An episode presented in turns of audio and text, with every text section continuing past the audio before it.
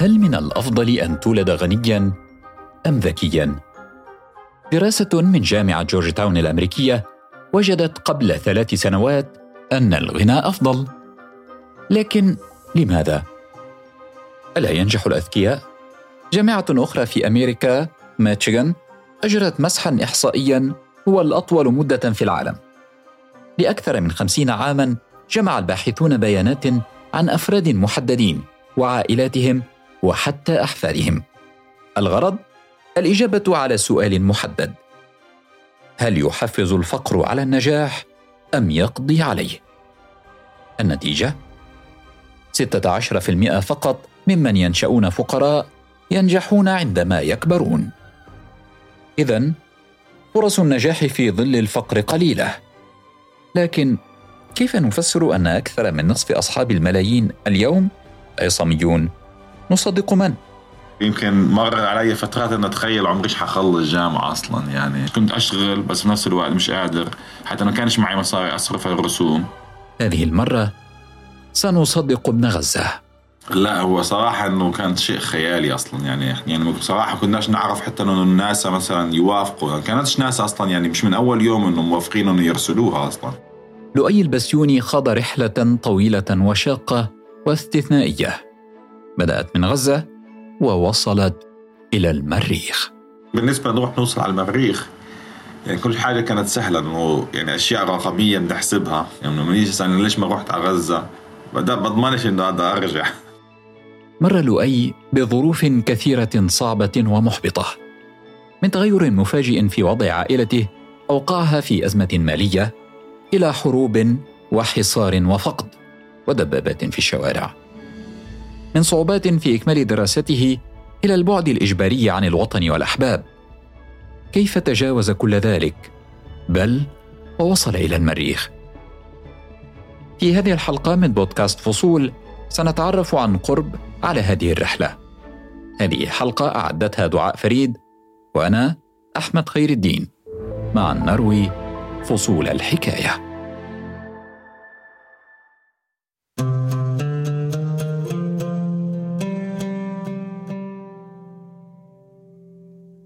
في 1948 حرب شردت آلاف الفلسطينيين. Day by day, the Palestine problem looms larger on the agenda of the United Nations Security Council meeting at Lake Success. وفي العام ذاته ولد أبو لؤي. بتذكر كيف دائما كنا نزرع بطيخ. بعرفش هيك عندنا علاقة في البطيخ. لأنه بابا كان يحكي لنا هو كان صغير بعمرنا كان دائما يزرع بطيخ. لأنه كان بابا يعني مواليد ال 48 ف كانش كان معظم الشجر بيت حنون رايح فكانوا يزرعوا بطيخ. كان يحكي لنا على البطيخ الكبير اللي يزرعوه. المزارع كبر وصار طبيبا. تزوج سافر إلى ألمانيا للعمل وأنجب أبناءه هناك. في منتصف الثمانينيات كانت الأمور مستقرة بل ومزدهرة. وظيفة بيت جديد سيارة جديدة. فكر الأب ربما حان وقت زيارة غزة. يحزم الأمتعة ويذهب بعائلته في إجازة إلى القطاع. وبابا من يعني من هو اول ما دخل المطار يعني سحبوا جوازه ف وضلينا معلقين يعني ما كان تصور. يمكن لو لو تصورنا إنه نروح على غزة وما نقدرش نطلع مرة تانية يمكن ما بعرفش إيش كان قرر. كان يمكن ما طلعش كان ما راحش كان يمكن ضلينا في ألمانيا. علقت العائلة. وتغير كل شيء. كان عمر لؤي خمس سنوات وكانت أول مرة يرى فيها غزة. الألمانية كانت لغته. كل شيء في غزة غريب. اشترى والد لؤي أرضا بمدخراته وأسس عيادة خاصة. فطبعا دائما كنا يعني إحنا متنقلين يمكن بين بين بيت حنون القرية وبين الغزة المدينة ف يعني مش بس إنه ربيان في القرية في نفس الوقت أنا ربيان في المدينة. مع الوقت اعتاد لؤي الحياة الجديدة. ذهب إلى المدرسة. مدرسة تابعة لوكالة الأمم المتحدة لغوث وتشغيل اللاجئين الفلسطينيين الأونروا. يعني كنت بالصف الأول الابتدائي. ما بعرف يعني أول يوم يعني أول أول كم يوم بالمدرسة. كنا كنا واقفين على قدام باب بيت المدرسة. بنستنى المدرسة تفتح لأنه كان المدرسة فصل قسمين يعني في قسم صباحي وقسم مسائي. آه فإحنا كنت بروح على القسم المسائي. بعدين كل الاولاد الصغار صاروا يجروا ودخلوا في هالبيت تخبوا. أنا طلعت وراهم قلت شو هذا؟ يمكن يكون في أسد ولا حيوان حيوان وحشي بالشارع فأنا جريت معاهم يعني بس ضليت هيك على الباب بتطلع هيك فتحت الباب شوي زي هيك بتطلع برا ليش في؟ لقيت أيامها جيب جيش يعني كان جيب جيش إسرائيلي ماري آه فأنا يعني استغربت يعني مستغرب. أقول ليش العالم بيشردوا من يعني يعني جب الجيش يعني المفروض يكون حماية عليك أنا يعني لسه صغير لسه جاي من ألمانيا. عمري خمس سنين وأول مرة أحس بهالخبرة يعني. كانت هذه أول ذكرى للؤي في المدرسة. لم يكن يفهم الوضع. لا يعرف لماذا يوجد جنود في الشارع. لكنه بعد ذلك اعتاد الوضع إلى أن اندلعت الانتفاضة الفلسطينية الأولى عام 1987 تأسست حركة حماس في قطاع غزة وتغيرت الحياة مجددا.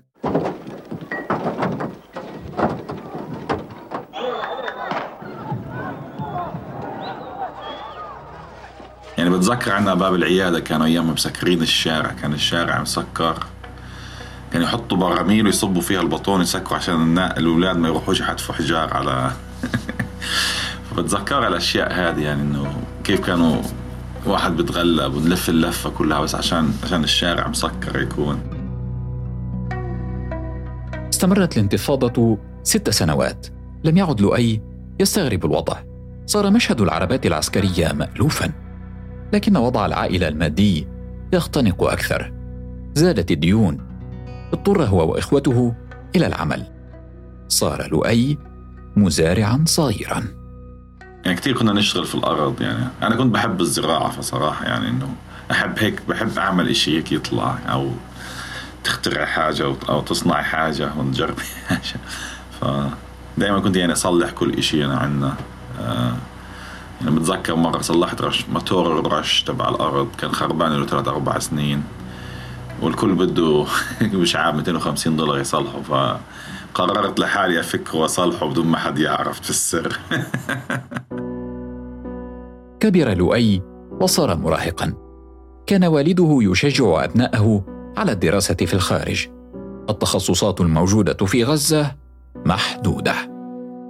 كان الوضع غزة أيام ما طلعت يعني سنة 98 كان كان وضع سلام كانت يعني وضع غزة يعني يعني كان منيح كثير أحسن من اليوم يعني. كان في حركة يعني الواحد يطلع وينزل فطبعا السبب إنه يعني الواحد إنه يتعلم بجامعة منيحة وهذا هو السبب. يعني كنت أفكر أروح أدرس في ألمانيا تعرف عشان الواحد مولود هناك.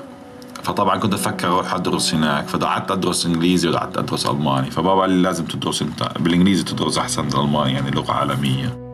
قرر لؤي السفر إلى أمريكا.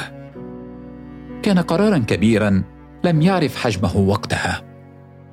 والله فاكر. فاكر كل حاجة صوره ماما هي ورانا آه والله يعني متذكر إنه أنا كنت كتير فرحان يعني إنه طالع تعرف واحد يعني 18 18 سنة ولا 19 سنة لسه. و يا حماس وبده يطلع من عند أهله وبده ياخذ حريته. رايح على أمريكا. خلص كل مشاكل الدنيا انحلت قدامه. يعني مبسوط في نفس الوقت يعني يعني حزين مفارقة أهله وأرضه. آه أنا كثير يعني متعلق صراحة بالأرض عندنا كنت. سجل له أحد معارف والده في الجامعة. كان عازما على دراسة هندسة الكهرباء لشغفه بتصليح الأشياء. أنا أصلا طول عمري بدي أعمل شركة في مجال تبعي يعني في مجال الإلكترونيات مجال الفضاء يعني هيك كنت بفكر يعني ما بدي أعمل بس business أو أفتح محل بيتزا ولا زي معظم الشغل اللي بيعملوه المهاجرين لأمريكا. لا أنا والله نفسي هيك بدي أعمل حاجة زي كنت كنت دائما أفكر هيك لبعيد. أعمل شركة كبيرة هيك. كنت أفكر حالي حطلع إيلون ماسك وقبل ما يصير إيلون ماسك أصلا. بدأ لوي الدراسة. اصطدم بالواقع الصعب. يعني أول سنتين كثير تصعبت لأنه كنت أشتغل وأدرس. يمكن مر علي فترات إنه اتخيل عمري حخلص جامعة أصلا يعني إنه اللي ساعدنا بالنعمل القبول يعني يعني عمل عمل أمريكا إنه حاجة سهلة قوي يعني. على الآخر إنه ما فواحد وصل طبعا بديت أشتغل كنت أشتغل تقريبا 80 90 100 ساعة بالأسبوع يعني عن يعني يمكن اخذت بتذكر 105 110 ساعات أكثر أسبوع اشتغلته. اشتغلت بمطعم سندوتشات بعمل سندوتشات. بعدين رحت اشتغلت بمطعم محلات بيتزا كنت اوصل اشتريت سيارة أول سيارة أشتريها وقعدت أشتغل أوصل بيتزا. وبعدين رحت اشتغلت في مطعم. بعدين قلت لا بدي أشتغل حاجة لها علاقة. فاشتغلت في محل اسمه ريديو شاك. كنت ببيعوا إلكترونيات وحاجات زي هيك. قلت يلا الواحد بتعلم هيك أقرب للهندسة تاعته. فطبعا كثير حاجات اشتغلتها. تنقل لؤي بين ولايات وجامعات عدة. من كنتاكي لبنسلفانيا لكنتاكي مرة أخرى. بس أيام طلع كنت مقدم من غزة على في جامعة بنسلفانيا. كانوا عاملين رسوم مخفضة لأهل غزة. فرحت هناك درست فصل بس كانت في منطقة نائية يعني. فرجعت حولت على جامعة كنتاكي ودرست جامعة كنتاكي سنتين. يعني الواحد يعني صراحة ما عنده عندوش حياة. يعني كانت أشوف الحاجات بس يعني أوصل البيتزا للناس اللي بحت... اللي سهرانين وعايشين حياة الجامعية تاعتهم. أنا كنت بشتغل يعني.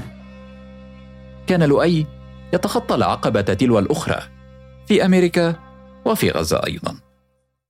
اندلعت الانتفاضة الفلسطينية الثانية في عام 2000 صارت أرض العائلة الزراعية مسرحا للعمليات العسكرية. جرفت الأرض التي كان مدخولها يؤمن له بعضا من قسطه الدراسي. بعد عام واحد تعرضت الولايات المتحدة الأمريكية لهجوم الحادي عشر من سبتمبر. سيدفع هذا الحادث الإرهابي إلى مزيد من التشدد والإجراءات الأمنية. صار 9/11 وتغيرت القوانين وصارت حتى يعني الجامعات تشدد يعني لازم تروع غزة أنت عشان ترجع على الجامعة تعمل فيزا. فكان كتير صعب الوضع يعني ما يعني احبطت يعني احبطت من ناحية قانونية لأنه مش عارف كيف أروع غزة. إذا روعت غزة مستحيل أطلع. كثرت عليه الديون.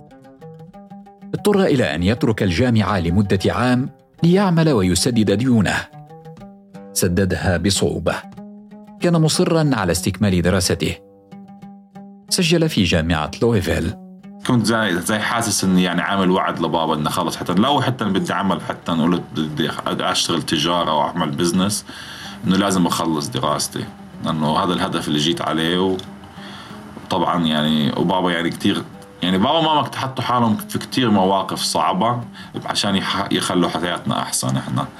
فكانوا يحرموا حالهم من حاجات كثير يعني ماما باعت كل ذهبها يمكن يعني ما ضلش عندها شيء هلا اليوم بس إنه أيامها كانت تساعدنا بالجامعة وتساعد إخوتي أو شيء مثل هيك. كان هذا هو الهدف الأسمى أمام عينيه وقلت لازم هيك أركز أنا أركز لأنه بدي لأنه هلأ سوق الهندسة حيكونوا صعبين. فأنا إيش قررت؟ أحوش مصاري. ويعني بابا ساعدني إنه أدرس أو على الأقل أدرس فصل كامل بدون ما أشتغل. لأنه بدي أجيب علامات عالية. حاولت ضليتني ادرس أدرس وبنيت علاقتي كويسة بالجامعة. وقدمت على يعني هي منحه جزئيه طلع لي 3000 دولار يعني غطوا الفصل الصيفي. أخيرا اقتربت رحلة دراسته من نهايتها. الإصرار والعزيمة يدفعان لؤي إلى الأمام لكن طاقته تضعف أحيانا. آخر سنة السنة الرابعة بالجامعة كانت كتير صعبة لأنه صراحة كنتش كنت اشتغل بس في نفس الوقت مش قادر حتى ما كانش معي مصاري أصرف الرسوم. ما كانش معي مصاري اشتري كتب يعني. وفي نفس الوقت نخص علي مرة الرسوم واحد بروفيسور فلسطيني والله ساعدني دفعها. وطبعا لحد ما خلصت. بعدين الماجستير طلعت لي طلعت لي منحة فكملت الماجستير على المنحة أنا. تخرج لؤي وبدأ فصلا جديدا في رحلته. الأمور يعني صعبة حتى تلاقي شغل لأنه خصوصا كنت أجنبي. ف يعني كنت أحب كثير الحاجات اللي لها العلاقه بال بال بال environment آه بالطبيعة. فطبعا يعني كنت هيك مقرر إني أشتغل بحاجات لها علاقة بال بال renewable أو بالطاقة البديلة. فكتير كنت مصر إنه بس أشتغل يا مجال طاقة الرياح أو الكهرباء أو طيارات كهربائيه أو سيارات كهربائية. عمل لؤي في البداية مع شركات صغيرة متخصصة في كهرباء السيارات وظل يتنقل شيئا فشيئا إلى شركات أكبر. وبينما كانت حياته المهنية تتقدم في أمريكا شيئا فشيئا كان الوضع في غزة يزداد اختناقا. والنتيجة؟ لم يرى لؤي أبويه لاثني عشر عاما. الوقت هذا حتى نبطل واحد إنه مثلا زي مشتاق لغزة ما هو مشتاق لأهله يعني يعني مش عشان حتى نفسه يعني هو نفسه يشوف أهله إنه يعني نفسي أهلي يشوفوني. ظل يعمل أكثر. عمل مع شركة تصنع سيارات وطائرات كهربائية. تنقل وتدرج وظيفيا إلى أن وصل إلى ناسا. يا ما هم ناسا يعني بيشتغلوا. يعني هم كل شغل ناسا تقريبا subcontracting يعني هم ناسا آه يعني ناسا هي تقريبا إحنا بالعربي يعني زي وزارة الفضاء. يعني ما بيعملوش يعني هم بس بكتبوا الأوراق. يعني هو كعقد يعني بين JPL ناسا والشركة اللي كنت أشتغل فيها. فأنا كنت مسؤول كنت ال power electronic وال electrical lead يعني مسؤول على كل الأسلاك الكهربائية والمحرك الكهربائي والمحركات الصغرى وطريقة التحكم في المحرك. بدأ لؤي في 2013 العمل على مشروع لصنع طائرة مروحية تحلق في فضاء المريخ. لا هو صراحة إنه كان شيء خيالي أصلا يعني. بس إنه يعني أولها إنه يعني هي زي فكرة خيالية. يعني بصراحة كناش نعرف حتى إنه الناسا مثلا يوافقوا. يعني كانتش ناسا أصلا يعني مش من أول يوم إنه موافقين إنه يرسلوها أصلا. كان لازم نثبت نظرية. فطبعا الواحد كان آه طبعا كثير متحمس. زي تحدي تحدي يعني حتى نتحدى ناسا نفسها أصلا. يعني لما كنا نشتغل في المشروع في البداية فعملنا هيك زي لعبة صغيرة. كنت أنا مسؤول نعمل الأسلاك لأن كناش عارفين حتى الطريقة كيف نعملها سهلة. فوصلنا الكهرباء فيها وشغلناها. لأنه كان صعب كان واحد المدير المشروع بده يتحكم فيها بإيده فكانت كثير صعب إنه يطير طيارة على الجو المريخي. لأنه في خفة الهواء تخلي الطيارة تتحرك بسرعة. بس نجحنا بالارتفاع عنها وعملنا الدراسات عليها وعملنا الحسابات للمروحية الأكبر بعدها. وبعد سبع سنوات من العمل والتحدي والتجارب نجح المشروع. في إبريل من 2021 كان لؤي جزءا من إنجاز تاريخي لوكالة ناسا. استكملت مروحية تابعة للوكالة رحلتها الأولى للمريخ. كان لؤي وراء تصميم تلك المروحية. بصماتي صارت على المريخ. هذا ما قاله لؤي البسيوني يوم حلقت المروحية انجنيوتي التابعة لوكالة ناسا على المريخ. المهندس الفلسطيني الذي ساهم آه، في ومساهمة كبيرة جدا في وصول المروحية بشكل متوازن وخفيف. الإنجاز الذي حققه كان كافيا لجعله واثقا تمام الثقة بقدرته على تخطي أي عقبة مهما كانت الظروف. إلا عقبة بعينها. زيارة غزة. ما زلت يعني ما رحتش على غزة. أنا صراحة واحد ما فيش ضمانات. يعني لو فتت إنه يكون المعبر فاتح إنه الواحد يقدر يطلع. فالواحد بيقدرش يعني يحط حياته كلها بخطر ويعني شغله. لكن لؤي لا يكف عن السعي.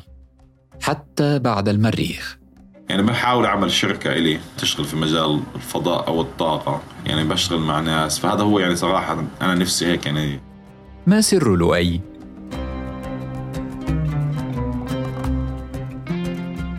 دراسات النجاح تقول إن له شروطا. أغلبها لم يتوفر للؤي. فكيف يذلل الصعوبات وينجح؟ ويكون دائما واحد يعني بيحاول قدر الإمكان إنه يعمل يكون عنده خطة. يعني حتى إن أول خطة هاي فشلت يعني يكون عنده خطة بديلة. يعني الأشياء اللي بحكيها لسه ولا شيء بالنسبة للأشياء اللي بحكيهاش يعني كثير أشياء. يعني لو ما نجحتش مثلا يخلص الجامعة وكان اشتغلت بناسا كان يمكن عملت حاجة ثانية لأنه كان دائما في مخططات إنه الواحد لو يعني ما لو فشلت بهاي الشغلة كان عملت هاي الشغلة. يعني حتى بالجامعة يعني كنت طمنت. اذا السر في الخطة والهدف. الناجحون يأتون من شتى الأماكن والظروف وعلى اختلاف التفاصيل لديهم شيء مشترك. عندما يرى الناس حواجز يرى الناجحون طرقا للالتفاف عليها. عظم الله أهدافكم. هذه تحياتي أنا أحمد خير الدين مع نروي فصول الحكاية. بودكاست فصول مع نروي فصول الحكاية.